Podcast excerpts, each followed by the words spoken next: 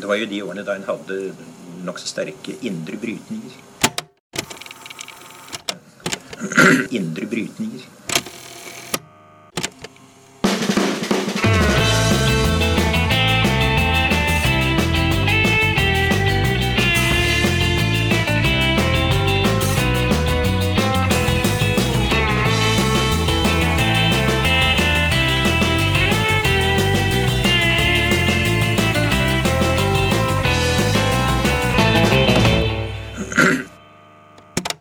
Hei og velkommen til Noen har snakket sammen. Mitt navn er Tiril Rustan Halvorsen.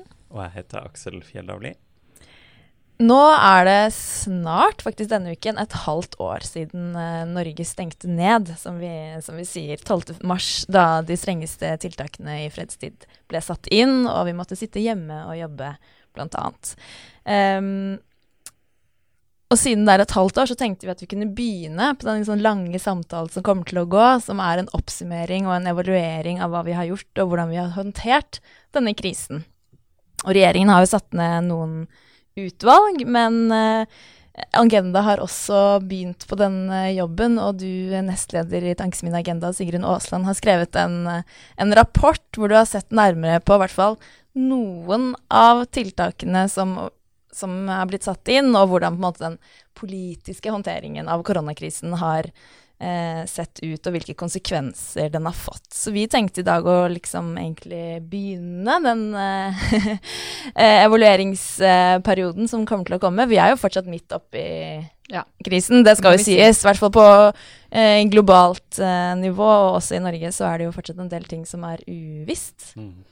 Eh, men vi tenkte å begynne litt i dag. Ja, og så går det jo an å si på en måte at vi, at vi hadde en slags sånn første fase med nedstengning, og så ble det åpna opp litt. Så dette er liksom starten på, eh, på, eh, på krisen som vi skal snakke litt om i dag. og det er jo så mye som har skjedd, så alt kommer vi ikke innom. Men forsøk å trekke noen overordna linjer, og kanskje bli litt klokere gjennom det å få litt bedre oversikt.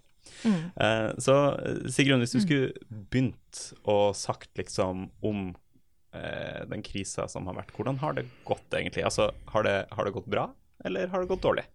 Ja, det er jo for det første, som dere sa, eh, veldig tidlig å evaluere. Veldig vanskelig å være etterpåklok. Men eh, vi må vel si sånn overordnet har det jo gått bra.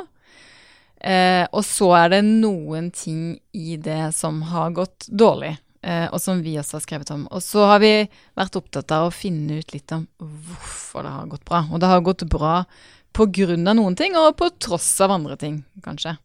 Eh, og så vet vi jo ikke ennå hvordan det kommer til å gå, da. Men sånn smittemessig gikk det jo eh, ganske fort, ganske bra. Og man fikk ned smittetallene relativt raskt i Norge. Mm. Føler behov for å banke i bordet, men ja. Det kan vi gjøre. For det har jo ikke Altså, dødstallene i Norge er jo mye lavere enn det man frykter, men samtidig så skriver jo du om at kostnadene de er jo mye høyere enn det man kanskje så for seg. Ja, altså det som eh, er interessant uh, Igjen, da, vi kan godt være etterpåkloke, men det var jo faktisk noen som var litt forhåndskloke også. Fordi eh, Direktoratet for sikkerhet og beredskap, som har ansvar for å vurdere hvilke risikoer vi til enhver tid står overfor. De var veldig tydelige i 2019, det var for øvrig også Verdens helseorganisasjon, på at en pandemi er en veldig sannsynlig krise som kan inntreffe. Um, og de laget noen scenarioer da i fjor på hvordan en, bl.a. en sånn pandemi og andre typer kriser kunne se ut. Og der skriver de om en pandemi som ligner veldig på den som skjedde. Altså at du, får et virus fra et land i Asia via dyr. Det fins ikke vaksine, det sprer seg til resten av verden. Uh, og de har på en måte tegnet opp et forløp som ligner en del på det som faktisk skjedde. Men det de jo også gjør, og som jeg tror vi veldig ofte gjør eh, med krisevurderinger, er at eh, det er en enorm undervurdering av konsekvensene av en sånn pandemi, da, fordi man isolerer det på en måte til et helseproblem. Mm. Eh, så det DSB skisserte i sitt scenario, eh, hvor de anslår ganske mange smittede, eh, er at eh, man må regne med økonomiske, direkte økonomiske kostnader på 5 milliarder knyttet til behandling av smittede, i tillegg til indirekte kostnader på 14 milliarder i form av produksjonstap som følge av sykefravær.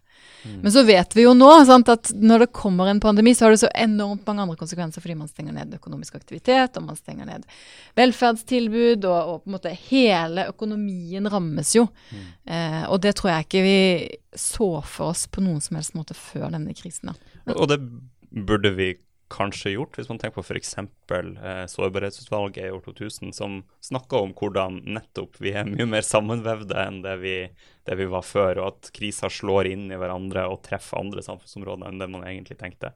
Ja, det kan du si. Så det burde vi kanskje gjort, og da kan vi i hvert fall ta med oss videre da, at eh, i framtiden så eh, kan vi jo Det kan oppstå andre typer kriser, klimarelaterte kriser eller eh, sikkerhetsutfordringer, eh, og da er det viktig å ha med seg at det rammer på en måte, det rammer sjelden bare én sektor. Da. Det rammer hele samfunnet. Eh, mm. Fordi ting henger sammen, rett og slett.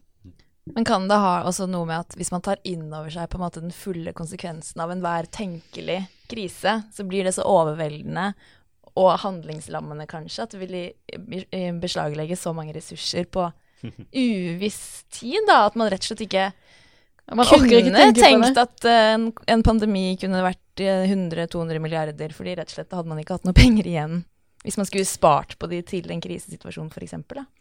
Ja, det kan du si, men samtidig så har vi jo det vi har gjort. Vi har laget en rapport som vi har gått gjennom en del av Prøvd å hente inn innspill fra Vi har invitert egentlig alle fagorganiserte i LO til å komme med innspill. Vi har intervjuet mange.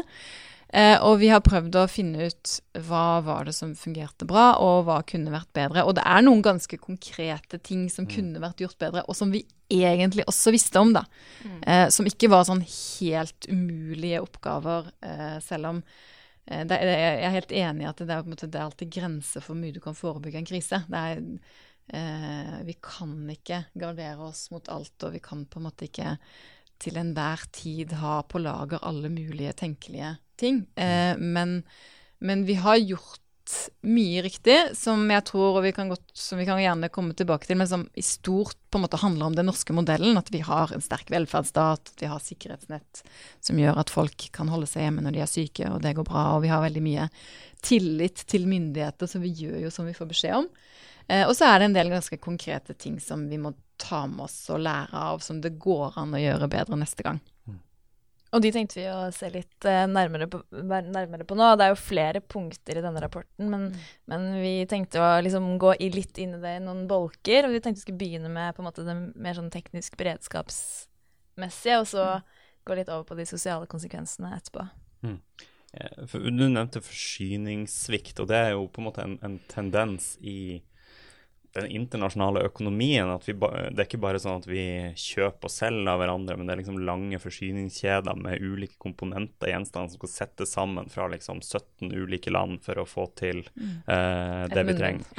Uh, har, vi, har, vi, gjort oss for avhengig av for det er jo på en måte to, to veier her. da. Man kan si at Uh, mer handel, det gir oss uh, fred, det gir, gjør oss mindre sårbare for uh, feil som skjer i ett land, det at vi kan kjøpe det fra et annet land osv. Er, er svaret å produsere mer i Norge, eller er det altså hvor jeg tror svaret er nok en kombinasjon av å produsere mer og lagre mer og stille noen andre typer krav til innkjøp vi gjør. Men i hvert fall så er det to problemer vi har pekt på som vi var kjent med på forhånd. Og det ene er legemiddelmangel, som oppstår med ganske jevne mellomrom, og som vi har visst i noen år at vi er sårbare for, fordi legemiddelindustrien er ekstremt fragmentert. Eh, og Eh, som du var inne på, spredt over veldig mange land. Eh, og det har vært pekt på over flere år at vi er sårbare for mangler av enkeltkomponenter og enkelte viktige medisiner.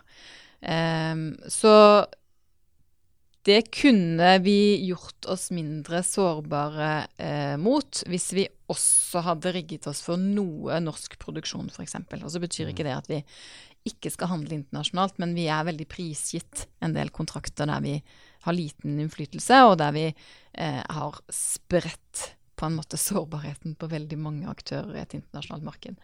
Det andre området er jo smittevernsutstyr, som vi også manglet mye av ganske tidlig i denne pandemien, og som det ble pekt på og dokumentert etter svineinfluensaepidemien i 2009 at det var et problem. Vi har for lite lagre av den typen ting. Eh, vi har eh, Det manglet mye utstyr allerede den gangen, eh, og som det går an eh, å ha bedre rutiner på både kjøpe inn, holde oversikt over og, og lagre. da. Mm. Men har det ikke vist seg at det egentlig de internasjonale forsyningskjedene har fungert ganske bra da? Det har jo via EU for Norge en del hjelp, og det har kanskje vært tendens til en sånn litt panikk, og så man, snur man seg rundt, og så har man fått insulin og det man trenger. Ja, legemidler har vi heldigvis fått det vi trenger, eh, men, men de sårbarhetsproblemene eh, som har vært pekt på der lenge, er jo fortsatt heller ikke løst. Og vi har jo heller ikke noen eh, vaksine, så fortsatt står jo på en måte verden litt på vent til en sånn vaksine utvikles. Eh, og når det gjelder smittevernsutstyr, så, eh, eh, så var det jo også sånn at Eh, vi hadde somlet litt da, med å kjøpe inn en del utstyr via et felles europeisk innkjøp. Eh, for litt fordi man på en måte ikke har kriser og pandemier og, og store uforutsette ting helt framme i bevisstheten. Da. Mm. Eh, så da ble det mye armer og bein og mye usikkerhet. Eh, men så etter hvert så har jo dette gått seg mer til. Og da er jo også et spørsmål om hva man skal betale for den typen utstyr. Og, mm. Eh, Mitt inntrykk er jo også litt at det har ikke vært høy, altså Pandemi har ikke vært høyt nok politisk prioritert. Sånn at man har hatt en del planer og skjema og eh, den type ting som er ute i helseforetak og kommuner, som bl.a. Mm. handler om at man skal bygge opp lager på eh, smittevernutstyr. Eh, men så har det ikke vært et, et, press ovenfra. Så har det blitt eh, Altså med mm. det presset som er på, på eh, å få økonomien til å gå rundt osv., så, videre, så det er ikke så lett å prioritere ting som aldri skjer, når du mm. samtidig får et masse, masse press ovenfra på eh, andre ting som må skje her og nå. Så, så, det at det formelt sett på en måte har blitt sagt at det skal vi gjøre, vi har mm. planer for det og det, men så møter det virkeligheten av et økonomisk press samtidig, da. Ja. Og jeg tror det er jo en sånn Vi har jo uh, Dette er jo på en måte en liten del av et stort arbeid vi har gjort i Agenda på beredskap, der som vi har jobbet med lenge. Og der en av lærdommene, ikke bare for pandemi, men for alle typer kriser, da, er jo at vi gjør oss jo sårbare ofte med måten vi organiserer offentlig sektor på. Sånn at vi har veldig eh, resultatbasert finansiering f.eks., som gjør det vanskelig å prioritere forebyggende innsats. Eh, at eh, vi har en veldig sånn eh, ansvarsinndeling der det er ofte vanskelig å se hvem som har ansvar for helheten. Eh, og ansvar blir liksom dyttet lenger og lenger ned i organisasjoner som egentlig har litt for trange budsjetter, og som må levere på helt konkrete ting som haster mer. Da. Som alt som er eh, forebygging og langsiktighet blir, og helhet blir fort nedprioritert. Mm. Dette ble jo veldig satt på agendaen etter 22. juli-kommisjonen sin mm. rapport. Mm. Er det noe du har sett i ditt arbeid nå som gjør at det kan virke som vi har lært noe siden den gang, eller vi, står vi liksom litt på stedet hvil? Ja, jeg tror eh, Det som er har vært bra, i hvert fall sånn organisatorisk, er jo at man klarte etter hvert å sette sammen Og vi skal kanskje komme litt inn på dette, men noen, det var jo noen grupper som betalte en veldig høy pris da vi stengte ned landet, og vi tenkte kanskje ikke så mye over det med en gang, men alle barn som trenger oppfølging av barnevern, eller funksjonshemmede barn som har et særlig tilbud, eller rusmisbrukere, eller eldre Eh, når du på en måte over natten stenger ting ned, så er det noen som rammes hardere enn andre. Og da fikk man jo til å i hvert fall lage en sånn tverrfaglig gruppe da, på tvers av departementer og direktorater som skulle følge med på hvordan går det med de sårbare barna. Eh, om det fikk så veldig mye konsekvenser, eh, er jo et annet spørsmål, da. Eh, men, men, i stort så tror jeg jo at den lærdommen fra 22. juli-kommisjonen, som handlet om at det er for dårlig det er for lite helhet, det er for dårlig kommunikasjon mellom ulike enheter i offentlig sektor. Alle rapporterer på ganske smale mål som skal dokumenteres oppover. Eh, veldig mange offentlige eh, institusjoner, inkludert Folkehelseinstituttet, har jo opplevd kjempestore kutt de siste årene fordi de skal effektivisere, uten at man egentlig har klart å liksom vise helt hvordan det skal være mulig å effektivisere så mye. Um, så både den litt sånn smale målstyringen og veldig funksjonelle inndelingen i mange siloer i offentlig sektor, og det at vi har vært opptatt av å spare alt som på en måte kan spares, alt som er nice to have og langsiktig, eh, det var jo med på å hemme beredskapen, mer enn at det egentlig har blitt noe bedre etter 2011, tror jeg. Mm. Svaret da er bedre grunnkapasitet, eller? På hva vi bør gjøre bedre til neste gang? Nei, nei altså noe helt spesifikt om Ja. det presset da, som du snakker om. Ja, altså akkurat disse ostehøvelkuttene, som man ofte kaller det, da, altså i offentlig sektor, i alle statlige etater, så kuttes budsjettene med et sted mellom 0,5 og 0,8% hvert år i statsbudsjettet, og det eh, gjør man for at disse institusjonene skal presses til å bli mer effektive. Samtidig som de samme institusjonene jo får stadig mer kompliserte og flere oppgaver. Eh, og det har vi jo også i Agenda skrevet om før, at det burde nok være mye mer skreddersydd. Det er veldig lettvint da, for Stortinget og for Finansdepartementet å si at dere får finne ut av det selv, vi bare gir dere litt mindre penger. Eh, men vi gir dere ikke noe færre oppgaver. Da har dere frihet til å prioritere innenfor trange rammer. Men, men det er jo ikke egentlig så mye frihet i det. Så man, eh, og så slipper man å prioritere mellom oppgaver.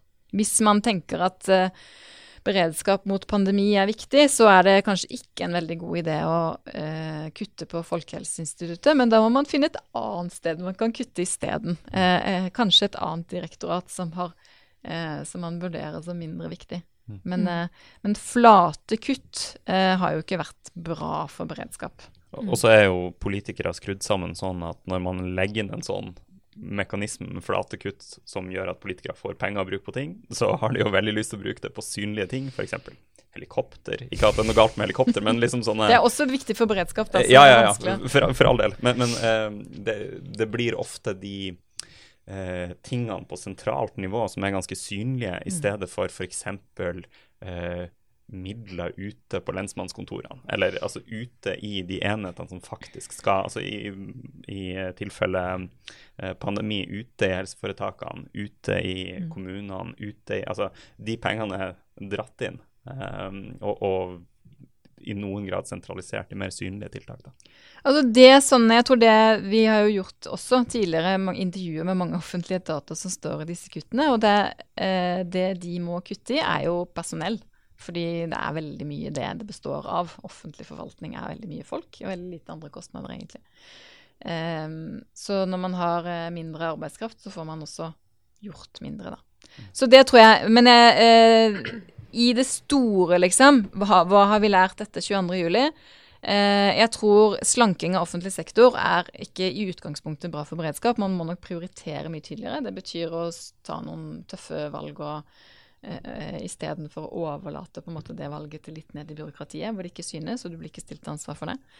Um, og så tror jeg at den typen styring som vi har i mye offentlig sektor, der man fortsatt er opptatt av å rapportere på dokumenterbare mål og rettferdiggjøre kostnader i det korte bildet, og uansett også liksom alltid har for lite penger, eh, det, har, det gjør at det blir vanskelig å planlegge for sannsynlige, men ikke sikre kriser. Da.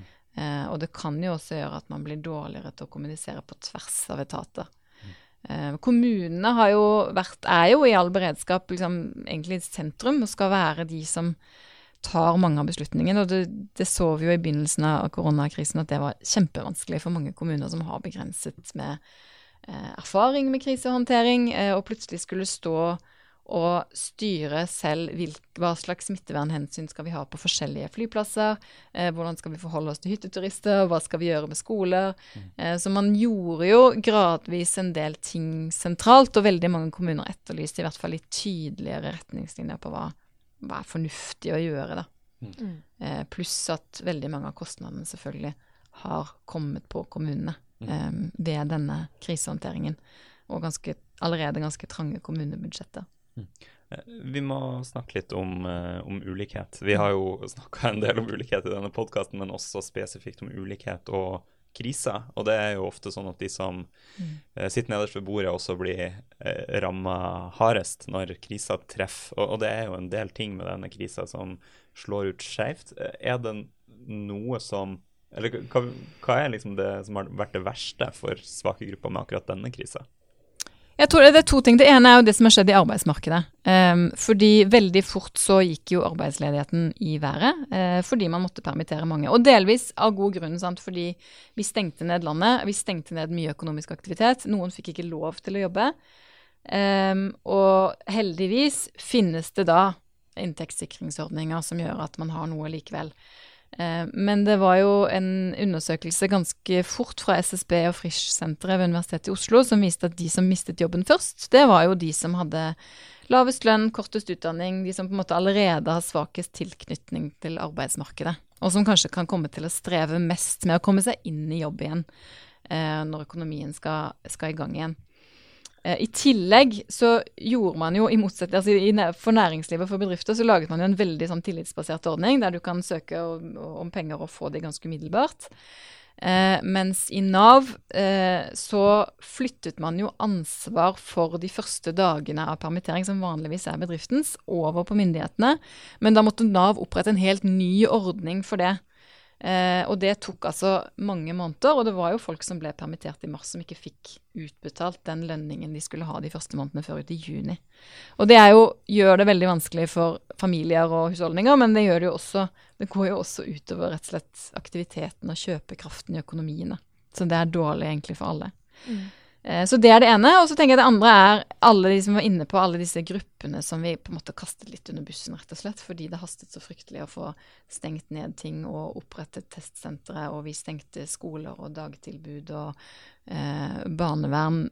Løste jo dette på litt ulike måter i ulike kommuner, og det skjedde mye bra også, men det var veldig mange som ble stående uten et tilbud. Og kanskje de mest sårbare blant oss også.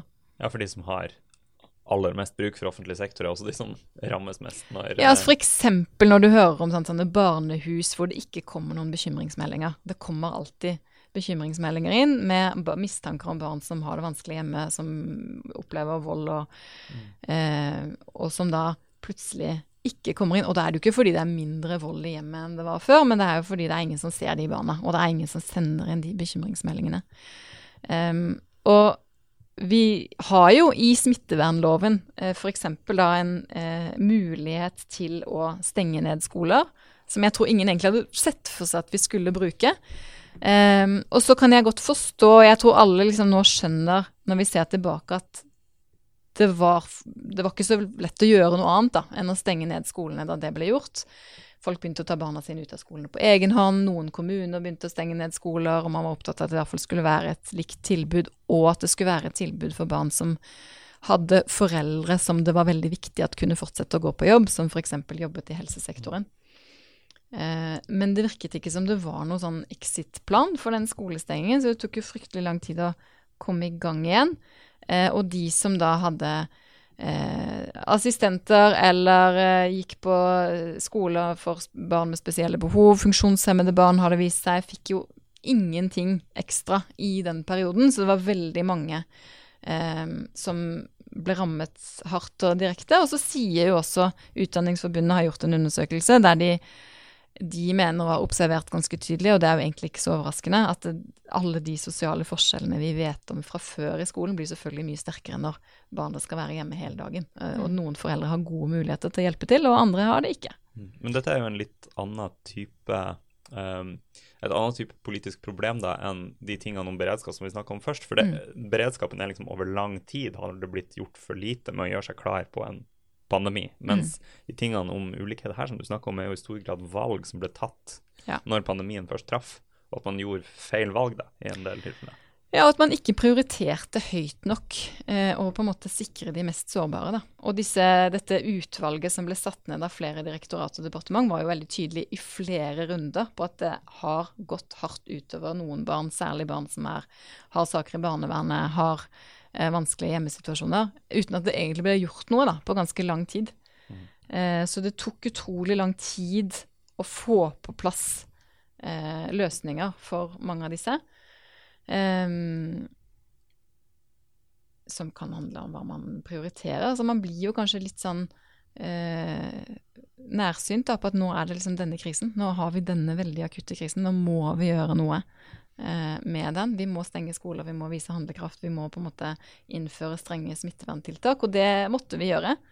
Eh, men eh, vi mistet litt av syne, helheten, da, igjen. Eh, og hva vi må passe på å ha på plass av sikkerhetsnett for de som da rammes av muligheter som vi allerede hadde på en måte, Vi hadde, hadde allerede sagt at dette kan skje. Vi hadde allerede lovfestet at vi kan stenge skoler i en ekstrem smittesituasjon. Men vi hadde ikke laget noen rutiner for hva gjør vi da med de det rammer hardest. Mm. Ja, for det er jo en kjensgjerning eh, som vi har sett fra, som konsekvens av mange kriser, at ulikhetene øker mm. eh, i etterkant. Og som du skriver, så virker det som at det har skjedd også her. Men hva, har du noen, fått noen tanker om hva man på en måte kan gjøre for at det ikke skal skje? For det blir jo sånn at i en tid hvor perioder hvor ting skal gå fort, at det blir mest de som roper høyest, da, som mm. alltid blir, enten man ønsker det eller ikke. Altså En ting som vi sa veldig tidlig i denne prosessen, var jo at eh, vi, vi, gjorde det nok altfor lett å permittere. For noen virksomheter så var det selvfølgelig helt nødvendig å permittere alle ansatte fordi man rett og slett ikke fikk lov å drive på. Eh, men når staten tar hele kostnaden av at folk ikke skal jobbe, så betyr jo også det at selv virksomheter der det kunne gått an å holde noe aktivitet i gang, så ble det på en måte mer lønnsomt å bare stoppe helt opp, da. Eh, fordi det var ikke noe kostnad ved det overhodet. Det gjorde nok at litt for mange ble permittert litt for fort. Og det man i stedet kunne gjort, og bør gjøre, var jo å eh, sørge for å holde folk i jobb, sørge for å benytte anledningen til å bygge kompetanse, f.eks.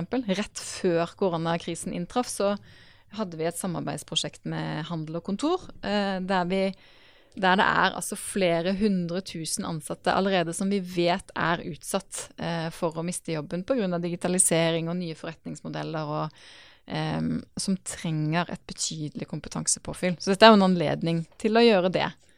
Eh, så vet vi også fra tidligere kriser at når du er i en vanskelig økonomisk situasjon, så setter man gjerne ned rentene eh, for å holde økonomien i gang. Eh, det er jo Etter finanskrisen så viste det seg jo veldig tydelig at det var noe som tjente når da markedet gikk opp igjen, så var det de som på en måte hadde litt penger å sette inn i aksjemarkedet f.eks., som tjente veldig mye på det. Eh, mens, og, og, dermed økte ulikhetene. Så pengepolitikken, og en veldig sånn ekspansiv pengepolitikk, har ikke noe særlig god fordelingseffekt, i hvert fall. Mm. Men det å få folk tilbake i jobb igjen og gjøre en innsats for det, og benytte anledningen til å bygge kompetanse for de som på en måte har svakest tilknytning til arbeidsmarkedet, eh, er jo noe man absolutt burde gjøre. Det virker, det virker, for meg som at man i evalueringen litt ettertid er at eh, det var eh, at man hadde for lite tillit til arbeidstagere som ble permittert, og som søkte om dagpenger, og litt for mye til bedriftene som søkte om kompensasjon for på en måte det samme. Er det riktig? Er det et slags sweet spot mellom uh, tillit og kontroll der som man ikke fant, eller? Ja, eh, jeg tror det var fornuftig at man laget tillitsbaserte ordninger for bedrifter, sånn at det skulle gå ganske raskt, og man på en måte, det koster mye å skulle eh, administrere veldig tunge sånne systemer. Men som du sier, så tok det altfor lang tid for arbeidstakere. Og vet, det vet vi også fra liksom det siste året, at alle som eh, på individnivå trenger noe støtte fra Nav, eh, trenger noe fordi man mister inntekten sin, blir i mye større grad mistenkeliggjort. Da. Og så tror jeg det problemet vi hadde med store forsinkelser i Nav, handlet ikke bare om tillit. Det var rett og slett en ikke så praktisk måte å gjøre det på. Det vi har skrevet i notatet som man kanskje burde gjort og kan lære til neste gang, var istedenfor å be den enkelte av permitterte arbeidstakere om å søke Nav om å få de pengene man skulle hatt i permitteringsperioden, eh, så burde man fått de pengene av arbeidsgiveren, og så kunne arbeidsgiveren heller fått refusjon. Så hadde du fått litt færre saker å behandle, rett og slett. Mm.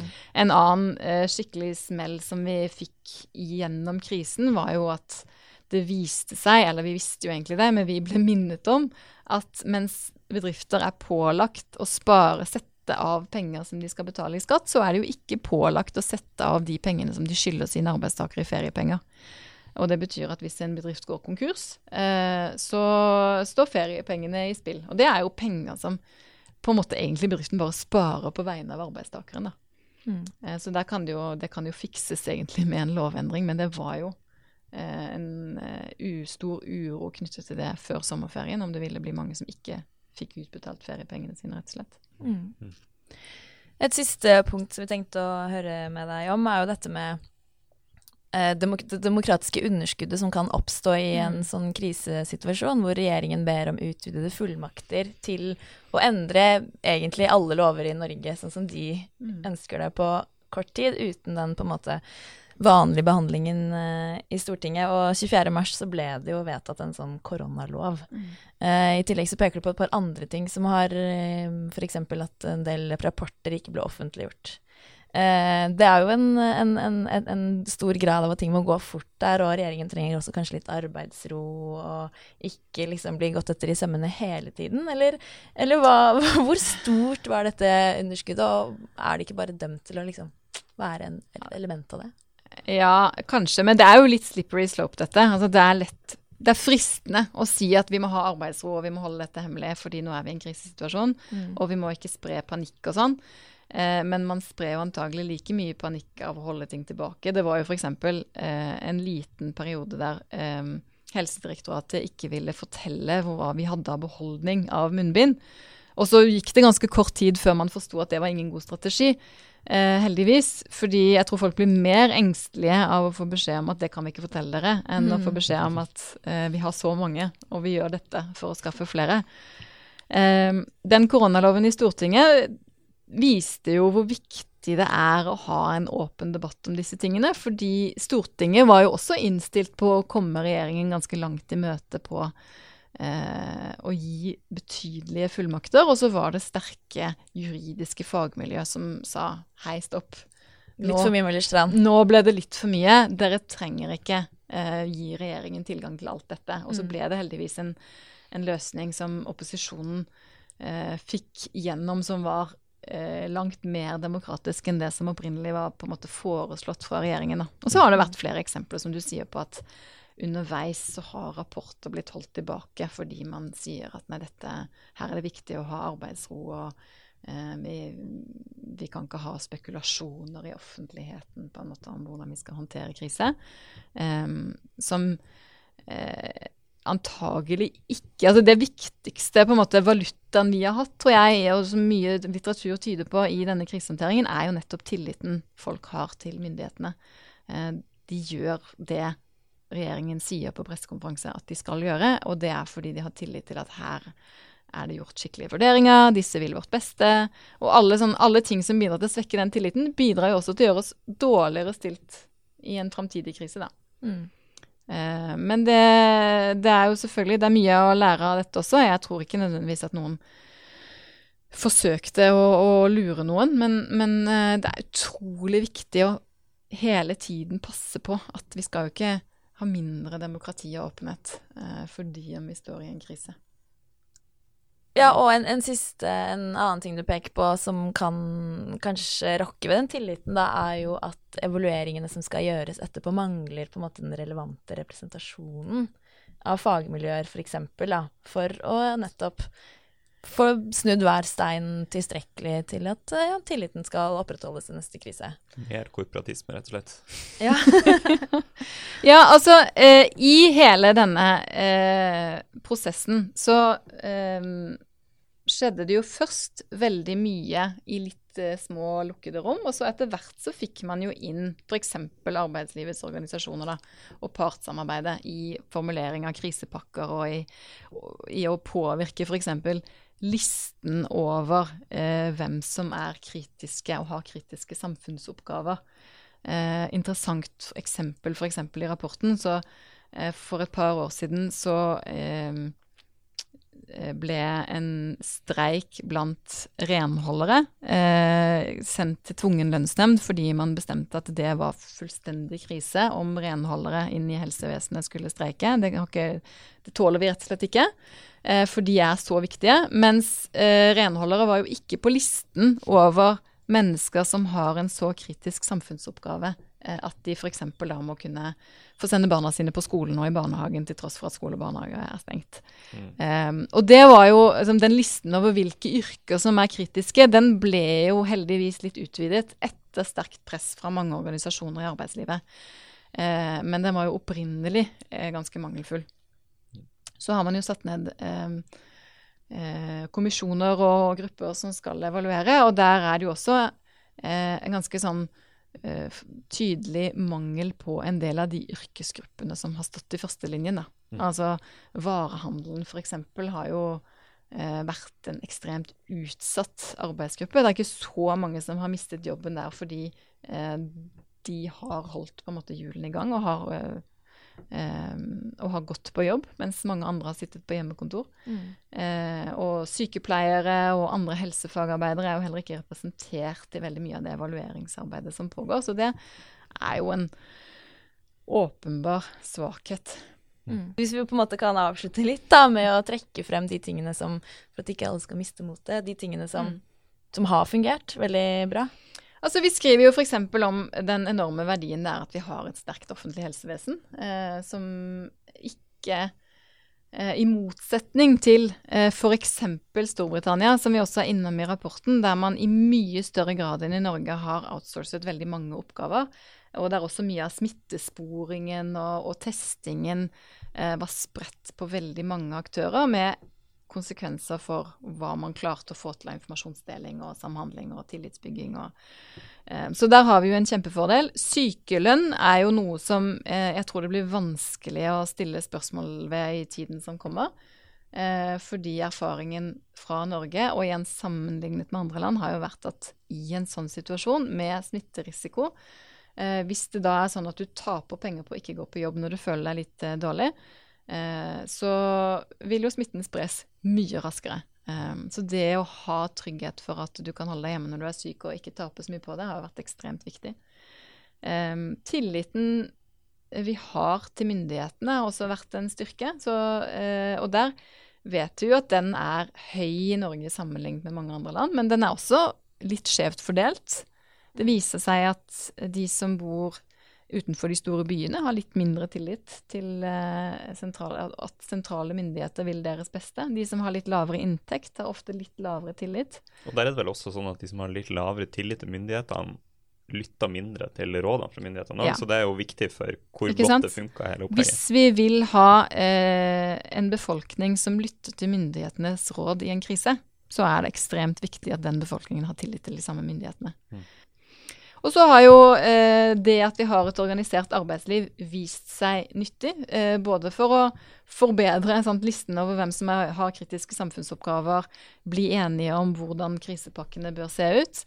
Eh, men også har vi jo sett en enorm tilstrømming til fagbevegelsen f.eks., og en masse nye medlemmer, eh, som jo også tyder på at folk ønsker seg den tryggheten det er å ha noen i ryggen når du står i en sånn krise. Eh, tusen takk, eh, Sigrun Aasland. Da fikk vi en begynnelse på evaluering og en haug med agendanotater i, i slengen. Eh, masse interessante tanker å spinne videre på. Tusen takk for at du kom til Noen har snakket sammen. Tusen takk for at jeg fikk komme.